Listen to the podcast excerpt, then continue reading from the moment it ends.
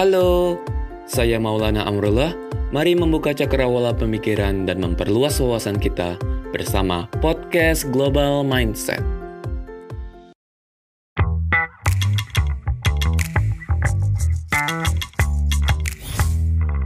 Halo semuanya, pada episode keempat ini kita akan membahas seputar dinamika keamanan non-tradisional di Asia Pasifik.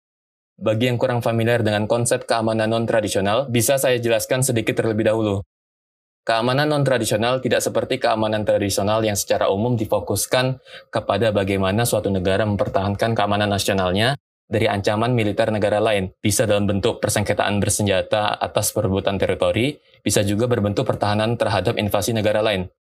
Sedangkan konsep keamanan non-tradisional lebih dijuruskan kepada isu-isu yang dapat membahayakan kelangsungan hidup dan kesejahteraan masyarakat dan negara yang muncul terutama dari sumber-sumber non-militer, seperti climate change, kelangkaan sumber daya alam, pandemik, bencana alam, migrasi yang tidak terkontrol, kelangkaan pangan, human trafficking, drug smuggling, dan kejahatan transnasional.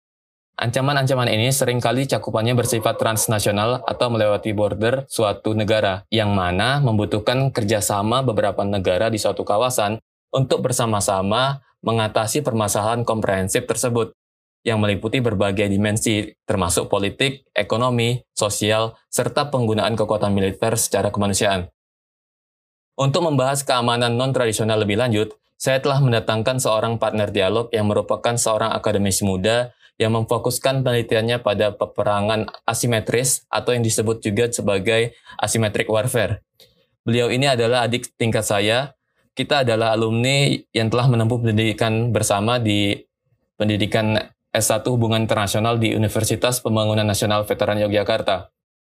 Beliau ini juga baru-baru saja menyelesaikan pendidikan peperangan asimetris di Universitas Pertahanan. Mari kita sambut Saudari Elvina Ainur Rahma. Halo El. Halo Kak Am.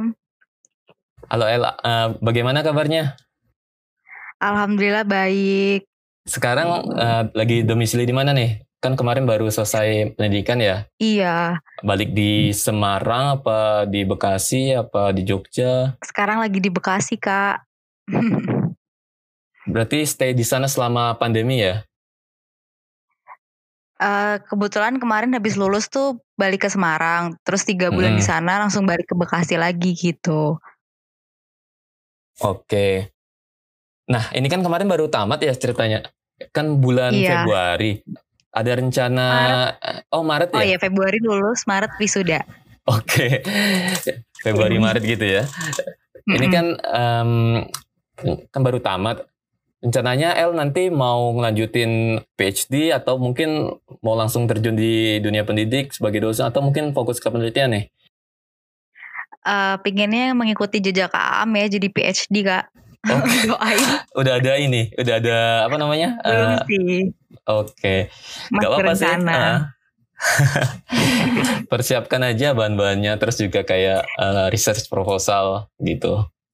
Siap, lagi di ini ini lagi disusun. Uh, by the way, ini kan El kan tamatan dari Unhan ya? Iya. Universitas Pertahanan. Pertama kali mendengar asymmetric warfare. Bisa dijelasin sedikit mm -hmm. gak sih apa sih tentang peperangan asimetris itu? Oke, jadi sebenarnya peperangan asimetris itu bisa kita bilang perang yang nggak seimbang kan kalau dari arti secara harafiahnya. Tapi kalau mau arti secara lebih gampang dimengerti sih sebenarnya perang adu kreativitas dan perang siapa yang kreatif itulah yang menang kayak gitu. Jadi dia nggak merupakan peperangan secara tradisional negara lawan negara, namun juga negara melawan aktor negara dan sebaliknya seperti itu kak. Oke, Mungkin kita bisa langsung kita lanjutkan aja ya El dengan kait Boleh. dengan pembahasan kita tentang uh, keamanan non tradisional ini. Iya. Seperti yang sudah saya sebutkan tadi, banyak sekali ancaman-ancaman yang berdampak langsung kepada masa depan hidup orang-orang. Dari jenis-jenis ancaman keamanan non tradisional tersebut, yang tadi seperti saya sebutkan ada human trafficking, drug smuggling dan lain-lainnya. Manakah ancaman yang paling berbahaya atau uh, manakah ancaman yang mungkin masih sering terjadi dan penanganan terhadap masalah itu masih sangat minim diatasi atau mungkin masih jarang dibahas di negara-negara dalam kawasan Asia Pasifik. Oke, jadi sebelum aku menjawab manakah ancaman yang paling berbahaya, kayaknya aku mau ngomongin tentang kawasan Asia Pasifik dulu ya kak. Iya. Kawasan Asia Pasifik ini kan merupakan kawasan yang terdiri dari negara-negara kepulauan nih kak. Mm -hmm. Terus memiliki luas wilayah yang tidak terlalu besar dibandingkan dengan kawasan yang lain dan memiliki batas negara itu berupa wilayah laut kan. Nah, kawasan Asia Pasifik ini juga terdapat banyak negara yang masih memiliki dependensi terhadap jaminan keamanan serta pengaruh keberadaan dari negara-negara besar kayak gitu. Nah, sebenarnya kalau ditanya ancaman non tradisional di kawasan Asia Pasifik itu benar-benar banyak banget Kak karena dari wilayahnya yang strategis dan dia memiliki dependensi tinggi terhadap negara-negara besar. Jadi banyak sekali ancaman non tradisional yang bisa menyerang negara-negara di kawasan Asia Pasifik gitu. Nah, kalau ditanya mana ancaman yang paling berbahaya, kalau kita melihat dari karakteristik kawasan Asia Pasifik yang berbatasan dengan laut, terus juga sebagian besar negara Asia Pasifik itu menggunakan wilayah laut untuk kegiatan ekonominya, maka menurut aku kejahatan trans transnasional seperti drug trafficking, human trafficking, people smuggling, penyelundupan senjata, proliferasi senjata pemusnah massal itu yang merupakan ancaman yang paling berbahaya gitu. Nah, dari yang aku sebutkan tadi di atas, menurut aku ancaman yang paling berbahaya yaitu drug trafficking sih. Karena drug trafficking itu memiliki dampak yang luas. Seperti bisa meningkatkan kejahatan, kekerasan, terus merebaknya HIV AIDS juga dan sumber daya manusia di wilayah tersebut juga akan uh, potensinya juga akan rusak, juga akan hilang seperti itu. Nah, selain itu aku bisa bilang bahwa terorisme itu juga menjadi isu penting sih Kak di Asia Pasifik untuk ancaman non tradisionalnya ya. Karena banyak negara Asia Pasifik itu seperti Asia Tenggara yang menjadi sasaran dari aksi-aksi para terorisme gitu. Dan terorisme sendiri itu lumayan susah untuk diatasi karena terorisme ini memiliki jaringan yang luas, organisasinya juga kuat gitu dan dalam aksinya itu terorisme sering berganti-ganti strategi, berganti-ganti taktik, dan berganti-ganti senjata seperti itu. Nah, kalau untuk yang jarang dibahas, itu sebenarnya Asia Pasifik sih udah udah membahas, udah aware tentang adanya ancaman non tradisional ini. Namun memang dan drug trafficking ini kan sebenarnya sudah udah udah sering dibahas lah oleh negara-negara di kawasan Asia Pasifik gitu, terutama negara Asia Timur yang memiliki dampak besar lah atas adanya drug trafficking ini.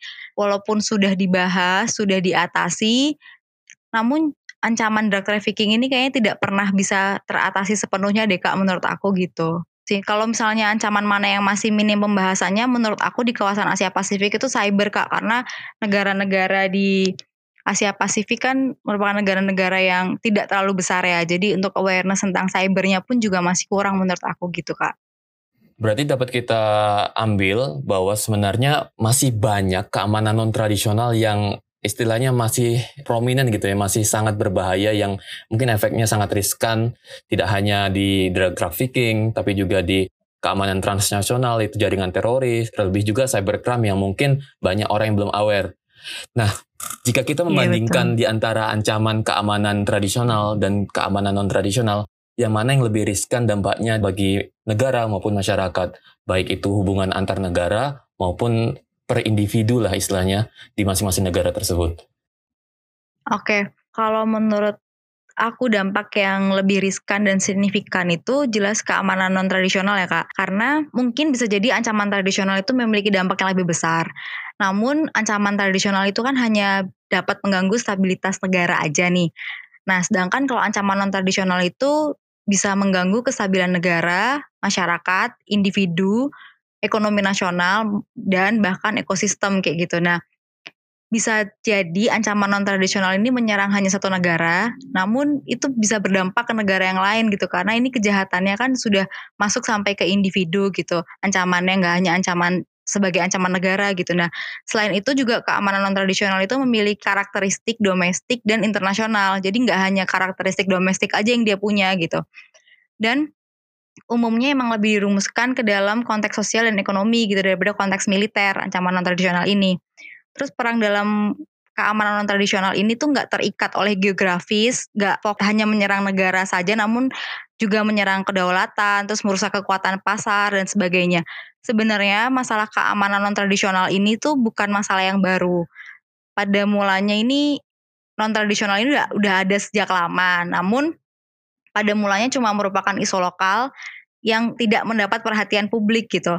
Namun dengan adanya era globalisasi saat ini yang semakin berkembang, semakin pesat, itu mendorong isu keamanan non tradisional ini menjadi muncul ke permukaan dan menjadi sumber ancaman global yang baru seperti itu. Jadi kalau ditanya pasti yang lebih signifikan dan lebih riskan dampaknya itu sebenarnya keamanan tradisional sih kak, karena bisa menyerang sampai ke individu gitu, nggak hanya stabilitas negara saja yang bisa terkena dampaknya gitu kak. Iya sih benar juga karena kita juga bukan berarti mengunderestimate dampak dari keamanan maksudnya dari perang atau keamanan tradisional itu. Tapi kan Iya betul. kita melihat dari dunia negara-negara pada saat ini kan lebih relatif lebih stabil, belum ada istilahnya kayak perang besar seperti perang dunia satu dan perang dunia dua. Saya rasa juga konsep ataupun ancaman-ancaman non tradisional lebih berdampak kepada kemaslahatan hidup masyarakat apalagi juga terkait dengan cakupan yang lebih luas ya. Karena juga menyangkut yeah. dengan food security juga kan. Terkait dengan Betul. climate change juga. Dan itu adalah faktor-faktor yang berasal dari alam gitu ya. Karena yeah, karena benar. itu tidak hanya berkaitan dengan aktor non negara ataupun dengan negara itu sendiri. Melainkan dengan faktor alam yang tidak bisa kita tentukan. Masalah seperti kebakaran hutan secara luas ataupun seperti pemanasan global seperti itu. Itu kan sesuatu yang tidak bisa kita kontrol tapi kita sudah berusaha meningkatkan awareness agar orang-orang juga peduli terhadap dengan permasalahan ini. Iya betul. Lalu kalau misalnya kita membawa ini ke konteks Asia Pasifik, El, bagaimana mm-hmm. El memandang dinamika geopolitik saat ini yang ada di Asia Pasifik, yang mana pada saat ini dapat kita lihat bahwa China sebagai global power ascendancy gitu ya, sebagai power mm-hmm. yang semakin mengungguli, baik itu dalam segi uh, pengaruh yaitu seperti investasi ekonomi global besar-besaran seperti itu kan ya. Lalu bagaimana yeah. Elvina melihat fenomena istilahnya kan shifting ini ya, shifting polar istilahnya kan dari yang unipolar dari Amerika Serikat dan saat ini ya tidak dapat dikatakan sebagai uh, bipolar pada masa Cold War juga sih, tapi kan dapat kita lihat bahwa sekarang China itu semakin besar. Dan bagaimana dinamika ini menjadi salah satu faktor yang berpengaruh secara tidak langsung terhadap keamanan non tradisional di Asia Pasifik. Oke, nah e, sebenarnya kawasan Asia Pasifik ini kan merupakan kawasan yang ini agak menjadi penghubung dari kekuatan besar dunia seperti Amerika Serikat, Jepang, Rusia, bahkan new emerging superpower saat ini yaitu China gitu dengan negara-negara lain yang berada di kawasan Asia Pasifik tentunya gitu. Nah, seperti yang kita tahu, Amerika Serikat itu kan sudah menempatkan Asia Pasifik sebagai wilayah yang strategis sejak mulai berakhirnya Perang Dunia Kedua. Nah, Amerika Serikat ini dianggap oleh negara-negara di Asia Pasifik ini menjadi pelindung karena banyak negara-negara di Asia Pasifik itu yang berlindung di bawah Amerika Serikat untuk bisa apa menjaga keamanan negaranya seperti itu. Nah, Amerika juga sudah membentuk ini kan Kak United States Pacific Command kan di Hawaii gitu. Nah, China dengan yang disebut sebagai new emerging superpower saat ini itu melihat Amerika Serikat yang memiliki kekuatan besar di Asia Pasifik itu bisa mempengaruhi atau menghambat rencana-rencana Cina yang akan diadakan di Asia Pasifik gitu kan. Nah, dengan adanya itu kan Cina sekarang uh, udah merupakan superpower yang baru gitu.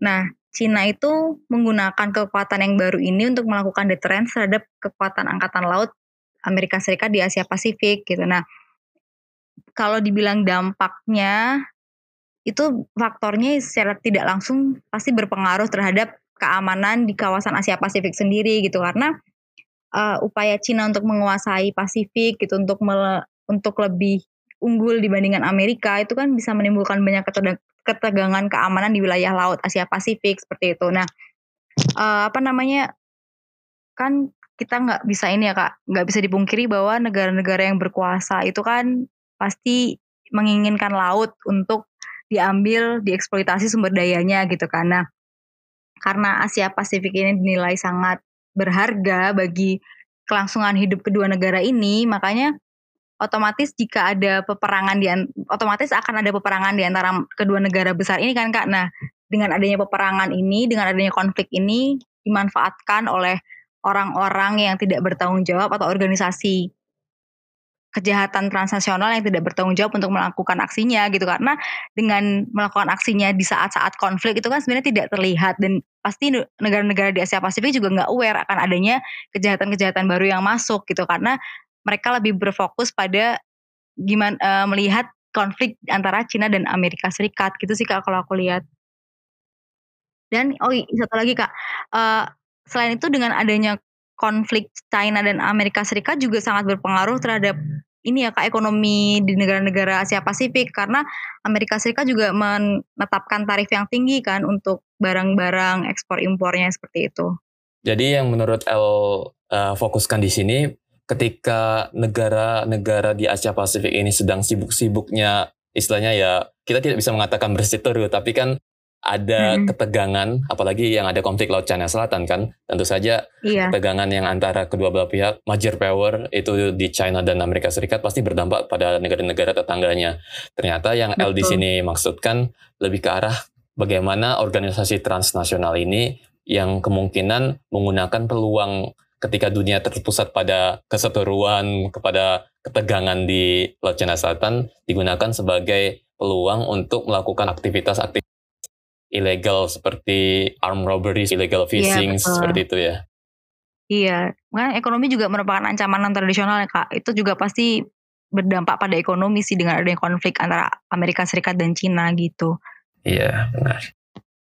Baiklah kita telah mengetahui seberapa besar riskan keamanan non tradisional dan bagaimana ancaman tersebut juga dipengaruhi oleh kompetisi geopolitik di Asia Pasifik. Selanjutnya, segmen kedua terkait dengan bagaimana konsep keamanan non-tradisional dievaluasi di Indonesia akan dilanjutkan setelah pariwara berikut ini. Jika kita meninjau Indonesia, sudah sejauh mana Indonesia berperan aktif memerangi ancaman keamanan non-tradisional? Jauh mana sih progres dan pencapaian Indonesia terkait hal ini?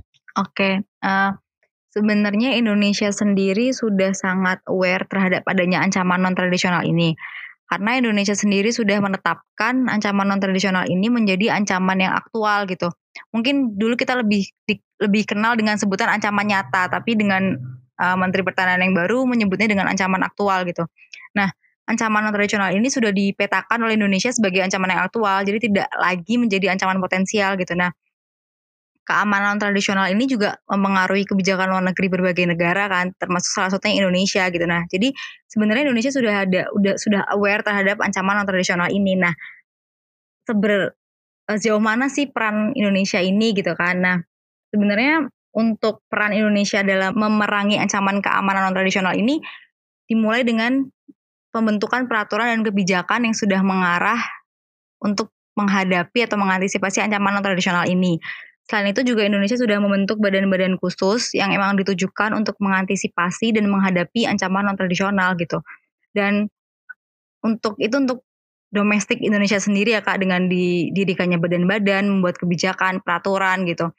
Itu tentunya kan akan membantu untuk menghadapi ancaman non tradisional gitu. Nah, kalau untuk internasionalnya sendiri Indonesia sudah sangat berperan aktif dan sudah memberikan kontribusi banyak terhadap ASEAN untuk lebih meningkatkan keamanan tradisionalnya ini gitu dan seperti contohnya kayak memberi masukan, mengadakan pertemuan dengan negara anggota ASEAN untuk membahas mengenai keamanan tradisional gitu dan Indonesia sendiri sebenarnya sudah banyak merat merupakan negara yang banyak meratifikasi mengenai konvensi tentang terorisme gitu. Jadi sebenarnya untuk awareness dan untuk peran dari Indonesia sendiri itu udah sudah menurut saya sudah lumayan banyak untuk uh, di ancaman non tradisional ini gitu.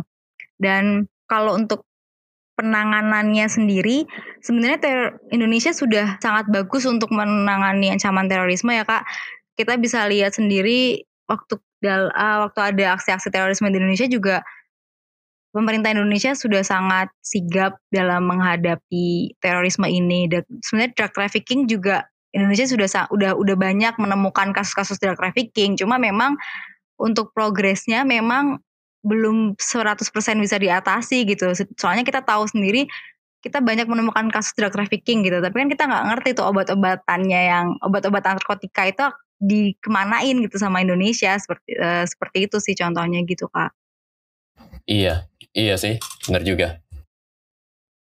Ya kan, jadi sebenarnya kalau dibilang progresnya itu udah udah udah meningkat tapi nggak bisa dibilang 100% Indonesia sudah bisa mengatasi ancaman non tradisional ini dengan baik gitu. Karena ya mungkin ya kita juga mau bukan mau berkonspirasi juga, tapi saya rasa mm -hmm. jaringan mafia ataupun jaringan-jaringan itu belum sepenuhnya mampu diberantas oleh pemerintah gitu kan ya. Betul. Sebelumnya L menyebutkan bahwa banyak ancaman non tradisional yang kebanyakan sangat berkaitan dengan kelautan ya, seperti uh, human smuggling, drug trafficking, piracy, illegal fishing dan lain-lain. Lalu bagaimana Elvina memandang periode kedua Presiden Jokowi yang hampir tidak pernah menyinggung kebijakan poros maritim dunia yang pada periode pertama menjadi slogan utama dari kampanyenya? Apakah ini juga berdampak pada tingkat ketegasan dan keseriusan pemerintah Indonesia dalam menangani ancaman keamanan tradisional seperti yang saya sebutkan tadi yang berkaitan dengan kelautan?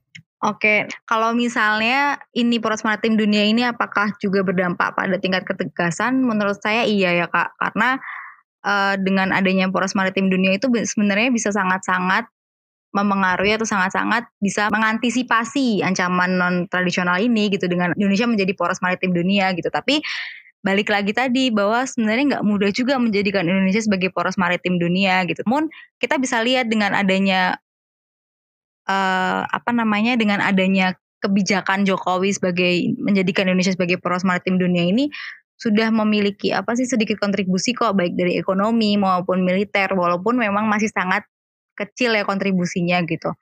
Dan sebenarnya memang kebijakannya kan sudah jelas, namun tinggal implementasinya aja gitu kan. Nah, kalau menurut aku kayak gitu sih kak. Sejujurnya ya, saya sedikit kecewa dengan Presiden Jokowi untuk periode kedua ini, karena kalau kita melihat dari periode pertama ketika Bu Susi Pujastuti menjabat ini ya, Susi. Kementerian Maritim ya, eh Kementerian Maritim dan Perikanan -hmm. kan ya kemarin itu. Yeah. Jadi seberapa banyak kapal asing yang telah melakukan illegal fishing itu ditenggelamkan gitu. Dan itu tidak tercermin sama sekali di periode periode Jokowi yang kedua saat ini. Ya memang sih kita tidak bisa menjudge atau mengevaluasi uh, administrasi Jokowi yang kedua karena ini kan juga baru mulai karena juga belum ada setahun lalu juga ada ada masalah hmm. corona ini corona. tentu kan masih banyak banget hmm. yang harus di benahi terlebih dahulu. Tapi sayangnya yang saya sangat kecewakan karena ketika Mbak Susi juga sempat posting di Twitter juga menunjukkan kekecewaannya karena masih banyak illegal fishing itu di tengah pandemi yang mungkin beda sekali dengan periode pertama gitu.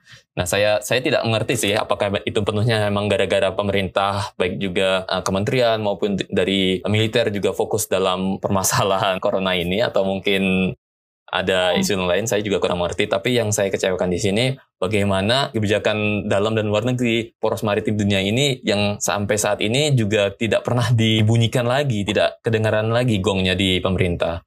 Dan itu yang menjadi saya sangat sesalkan. Karena kan El juga mengatakan bahwa proses ini tidak bisa hanya dicapai dalam satu proses lima tahun jabatan gitu ya satu jangka pendek. Itu kan perlu iya. proses yang lama dapat dikatakan bahwa kebijakan poros maritim dunia ini tergolong sukses. Tapi hmm. nyatanya proses ini mungkin belum ada progres yang signifikan di masa yang kedua ini. Dan itu yang mungkin yang sedikit saya sesalkan.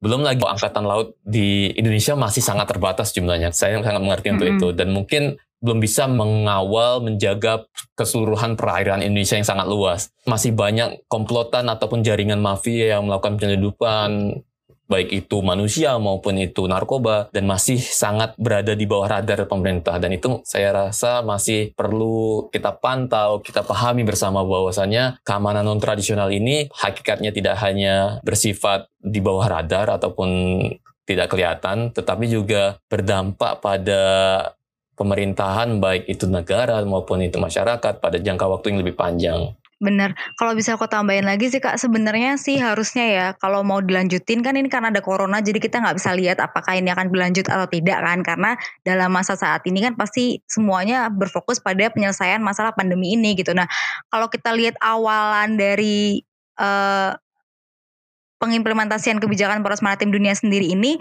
sebenarnya sudah sangat bagus dari ekonomi kan sudah ada tol laut ya kak itu kan bisa membantu dengan adanya kesetaraan uh, harga dan membantu transportasi untuk di Indonesia sendiri nah kalau untuk dari militernya juga kemarin kalau aku baca juga anggaran pertahanan juga naik gitu dan untuk angkatan lautnya sendiri juga sudah ada uh, kapal selam yang baru sudah ada transfer of teknologi juga, masalah uh, masalah kapal selamnya seperti itu. Sebenarnya kalau untuk permulaan sudah bagus. Memang saat ini entah akan diteruskan tapi karena terpending corona atau gimana, nah kita lihat saja Kak ke depannya. Benar juga. Dan gini Kak, kalau untuk di laut sendiri itu sebenarnya Indonesia tuh ini Kak, soalnya banyak banget badan-badan yang double-double gitu. Kita lihat sendiri aja di laut kan sebenarnya nggak hanya angkatan laut yang ada kan. Ada polisi air juga, pol air gitu. Terus juga ada bakamla seperti itu. Nah ini nih yang membuat sebenarnya mana sih yang harus menangani mana gitu. Oh jadi masalah koordinasi juga ya antara lembaga-lembaga pemerintahnya. Iya koordinasi dan sinergi. Tapi kalau kita mengangkat kembali tentang konsep non tradisional security ini, pandemi COVID-19 kan juga bagian dari ancaman non tradisional karena ini human security. Nah, ini masih mungkin berkaitan sama hmm. pertanyaan berikutnya. Mengapa pemerintah Indonesia dibandingkan dengan pemerintah lain di Asia Tenggara itu jauh kurang siap dibandingkan dengan negara-negara tetangga? Apakah ini memang gara-gara memang tidak pernah mengalami seperti ini karena pada saat SARS itu kan Indonesia kan tidak begitu kena jadi istilahnya hmm. menyepelekan apakah memang belum siap pemerintahnya ataupun mungkin terlalu menggampangkan atau mungkin ada hambatan-hambatan lain sih yang membuat pemerintah mungkin kurang sigap dalam memerangi keamanan non tradisional di Indonesia baik itu COVID-19 mungkin juga ancaman-ancaman lain. Iya. Kalau menurut aku sih Kak, kalau hambatannya ya selain dengan ancamannya yang berubah dengan cepat, terus ancamannya juga beragam kan ancaman tradisional ini gitu. Yang dari domestik Indonesia sendiri sih sebenarnya menurut aku menjadi hambatan itu Indonesia masih sedikit yang memiliki roadmap yang jelas gitu kak. Jadi sebenarnya kan kalau dalam penanganan suatu kasus kan kita butuh roadmap nih. Nah Indonesia ini masih banyak yang roadmapnya itu nggak jelas gitu.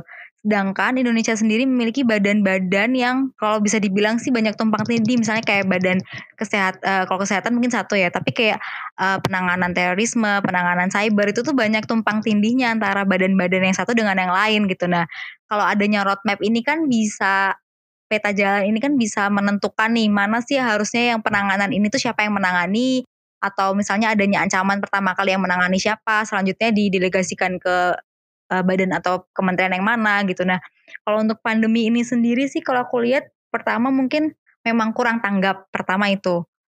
Mungkin nggak menyepelekan ya, tapi belum melihat sampai jauh gitu karena kurang tanggap. Tapi juga kalau untuk melihat pandemi ini juga sebenarnya kalau dari kebijakan juga sudah sudah bagus menurut aku kebijakannya. Ya ini implementasinya nggak ngerti kenapa ini kenapa bisa kayak gini ya kak. Tapi itu sih kalau hambatan itu sih menurut aku sih kurang koordinasi. Jadi gini nih, kan pertama kali tahu-tahu pandemi ini BNPB yang menjadi ketua dari apa sih gugus tugas yeah, ya kalau dibilang ya. Force. Uh. Sekarang apa satuan tugas lah. Nah, sebenarnya kan kalau dari Kementerian Pertahanan sendiri, soalnya kalau ancaman itu kan masuknya ke Kementerian Pertahanan ya kak. Yeah. Itu kalau ini aku tahu dari Kementerian Pertahanan itu memang kan kita kan menganut sistem pertahanan perang semesta. Jadi kita melibatkan seluruh sumber daya alam manusia gitu dan memang untuk ancaman non tradisional, ancaman non militer itu kan memang yang menjadi vokal poinnya itu bukan Kementerian Pertahanan tapi kementerian lembaga lain seperti itu. Nah, sebenarnya menurut aku harusnya Indonesia itu kalau untuk kesehatan untuk pandemi kan sebagai vokal poinnya eh, sebenarnya kan Kementerian Kesehatan. Tapi ini dilarikan ke Badan Nasional Penanggulangan Bencana gitu kan. Dan Nah ini yang aku bilang tadi nggak adanya roadmap, terus nggak adanya kebijakan yang jelas gitu. Kalau kita lihat sendiri seperti Australia itu memiliki kayak krisis center gitu loh kak. Jadi semua apa pun ancaman itu masuknya ke situ. Nanti baru dari PM dan dari situ itu didelegasikan ke badan-badan yang bertanggung jawab seperti itu. Jadi masih ada tumpang tindih, masih ada kurang koordinasi, nggak bersinergi dengan baik menurut aku sih kak hambatannya. Iya juga sih. Selanjutnya kita memahami bahwa pada dasarnya konsep keamanan non-tradisional ini kan melewati batas negara.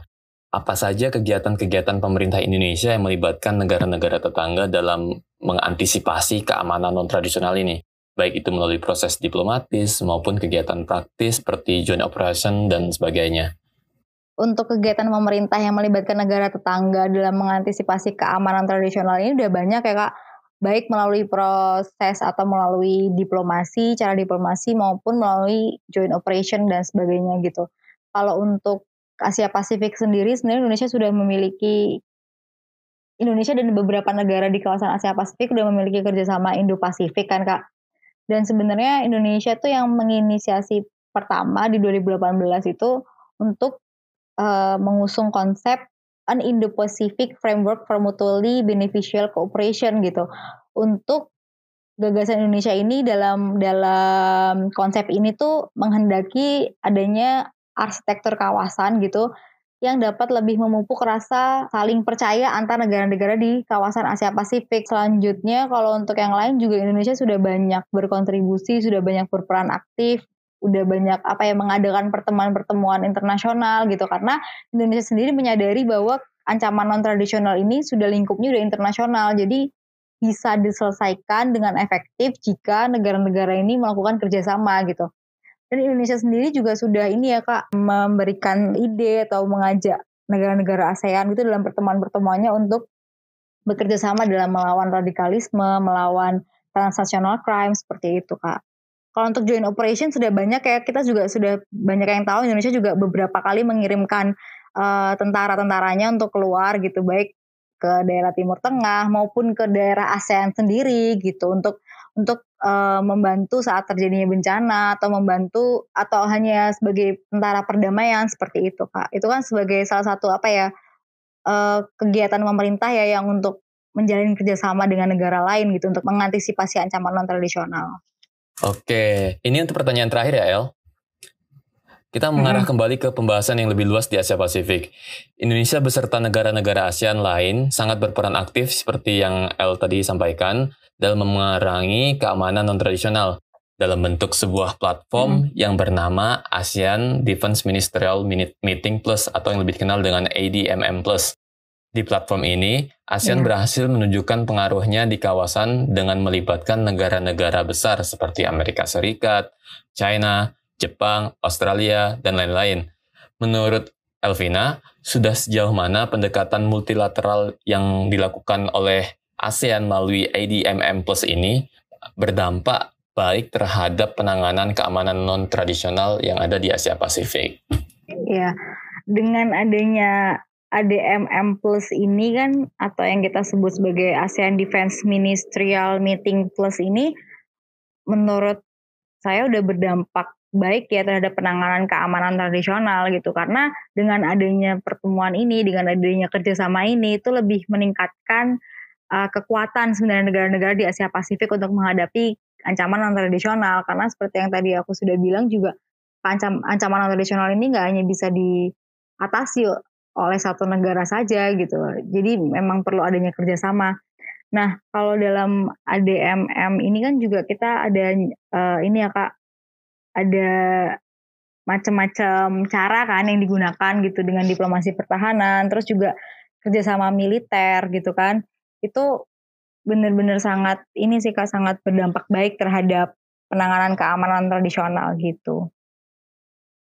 Sepakat sih untuk itu. Sebenarnya pembahasan ADMM Plus ini uh, pernah dibahas di salah satu kelasku juga. Jadi karena mm -hmm. ASEAN ini kan sifatnya non-interference. Artinya dia tidak bakal ya, uh, melakukan intervensi terhadap negara-negara anggotanya terkait dengan konteks keamanan. Jadi satu-satunya platform hmm. yang digunakan untuk ASEAN dalam mengatasi konflik, misalnya yang di, ada di Laut Cina Selatan ini kan konflik tradisional ya, itu melalui ARF. Yeah. Sedangkan kalau misalnya berkaitan dengan non tradisional itu ada ADMM tanpa plus ya, karena plus di sini kan maksudnya kan hmm. uh, negara-negara yang di luar ASEAN uh, tambahan. Yeah. Nah, yang menjadi kelebihan dari ASEAN ini karena mampu melibatkan eh, negara-negara besar seperti Amerika Serikat, China, Jepang, Australia, South Korea juga, bahkan India yang berada di hmm. uh, belahan lain lah ya. Istilahnya kan uh, samud ya, uh, karena ini kan kita ya. ngomongnya kan Pasifik, ini kan sudah masuk sudah Pasifik, masuk Samudra iya. India gitu kan. Istilahnya kan kawasannya sudah semakin luas. Nah, di sini itu mm-hmm. yang menjadi apa ya? Menjadi keunggulan dari ASEAN karena ketika negara-negara tersebut yang sulit untuk bekerja sama karena secara tidak langsung kita bisa mengatakan pride lah ya, pride masing-masing major power, big power itu kan sulit untuk bekerja yeah. sama.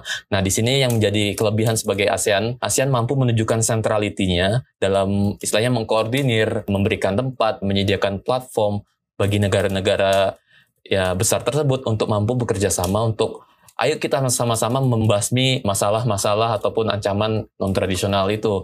Yang biasanya sih lebih ke arah terorisme ya. Di bawah ADMM Plus tuh kalau tidak salah, uh, Indonesia pada saat itu mempionirkan, menginisiasi untuk mengajak negara-negara lain di Asia Tenggara dan kalau tidak salah melibatkan Australia, meluncurkan yeah. namanya itu Our Ice Initiative.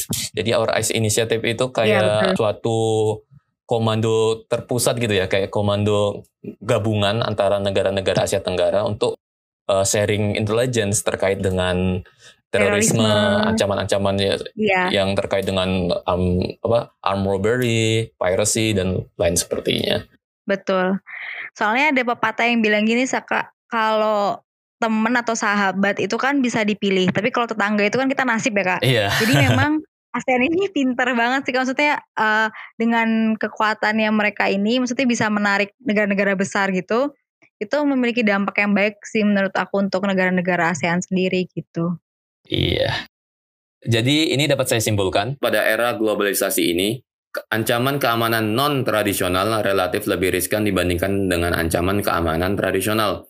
Di samping itu, ancaman non-tradisional membutuhkan kerjasama negara-negara dalam kawasan, khususnya di Asia Pasifik, untuk bersama-sama mengcounter dan mengantisipasi dikarenakan ancaman tersebut bersifat transnasional. Pertentangan geopolitik di antara dua kekuatan besar yaitu Amerika Serikat dan China, di mana perhatian banyak negara terpusat kepadanya, dapat dijadikan sebagai potensi bagi para kelompok teroris ataupun mafia internasional untuk melancarkan berbagai aktivitas ilegal di kawasan Asia Pasifik tersebut. Di sisi lain, Indonesia beserta negara-negara Asia Tenggara dapat dikatakan berhasil dalam mempromosikan perlawanan terhadap keamanan non-tradisional dengan menyediakan platform ADMM+. Selanjutnya dari level domestik, penanganan ancaman keamanan non-tradisional di Indonesia memang sudah membaik, akan tetapi progres yang dicapai masih belum signifikan dikarenakan terbatasnya sumber daya untuk mengcover keseluruhan wilayah, khususnya perairan Indonesia yang sangat luas ini. Oleh karena itu, Indonesia sangat aktif dalam mempromosikan kerjasama untuk bentuk perlawanan terhadap ancaman keamanan non-tradisional, baik itu dalam bentuk kesepakatan diplomatik maupun juga joint operation dengan negara-negara tetangga melalui kesepakatan bilateral maupun multilateral melalui ASEAN. Sekali lagi saya mengucapkan terima kasih banyak untuk Elvina yang telah meluangkan waktu di tengah kesibukannya untuk dapat berbagi pengetahuan terkait dinamika keamanan non-tradisional di Asia Pasifik dan juga di Indonesia secara khusus. Terima kasih Kak Am for inviting me. Terima kasih sekali. Padahal ya aku kan baru lulus gitu dari master gitu, tapi udah diajak untuk diskusi di global mindset ini merasa tersanjung sekali sih aku. Maaf kalau misalnya banyak yang kurang atau banyak yang salah gitu. Kita juga di sini kan sama-sama belajar. Saya harap semoga diskusi kita pada malam hari ini dapat berguna bagi siapa pun pendengarnya tidak hanya akademisi maupun juga membantu membangun awareness masyarakat-masyarakat awam yang mungkin sangat jarang mendengar istilah atau konsep non tradisional ini. Iya, amin. Sekian episode ketiga podcast Global Mindset dan untuk para pendengar cendekiawan sekalian, terima kasih dan sampai jumpa di episode berikutnya.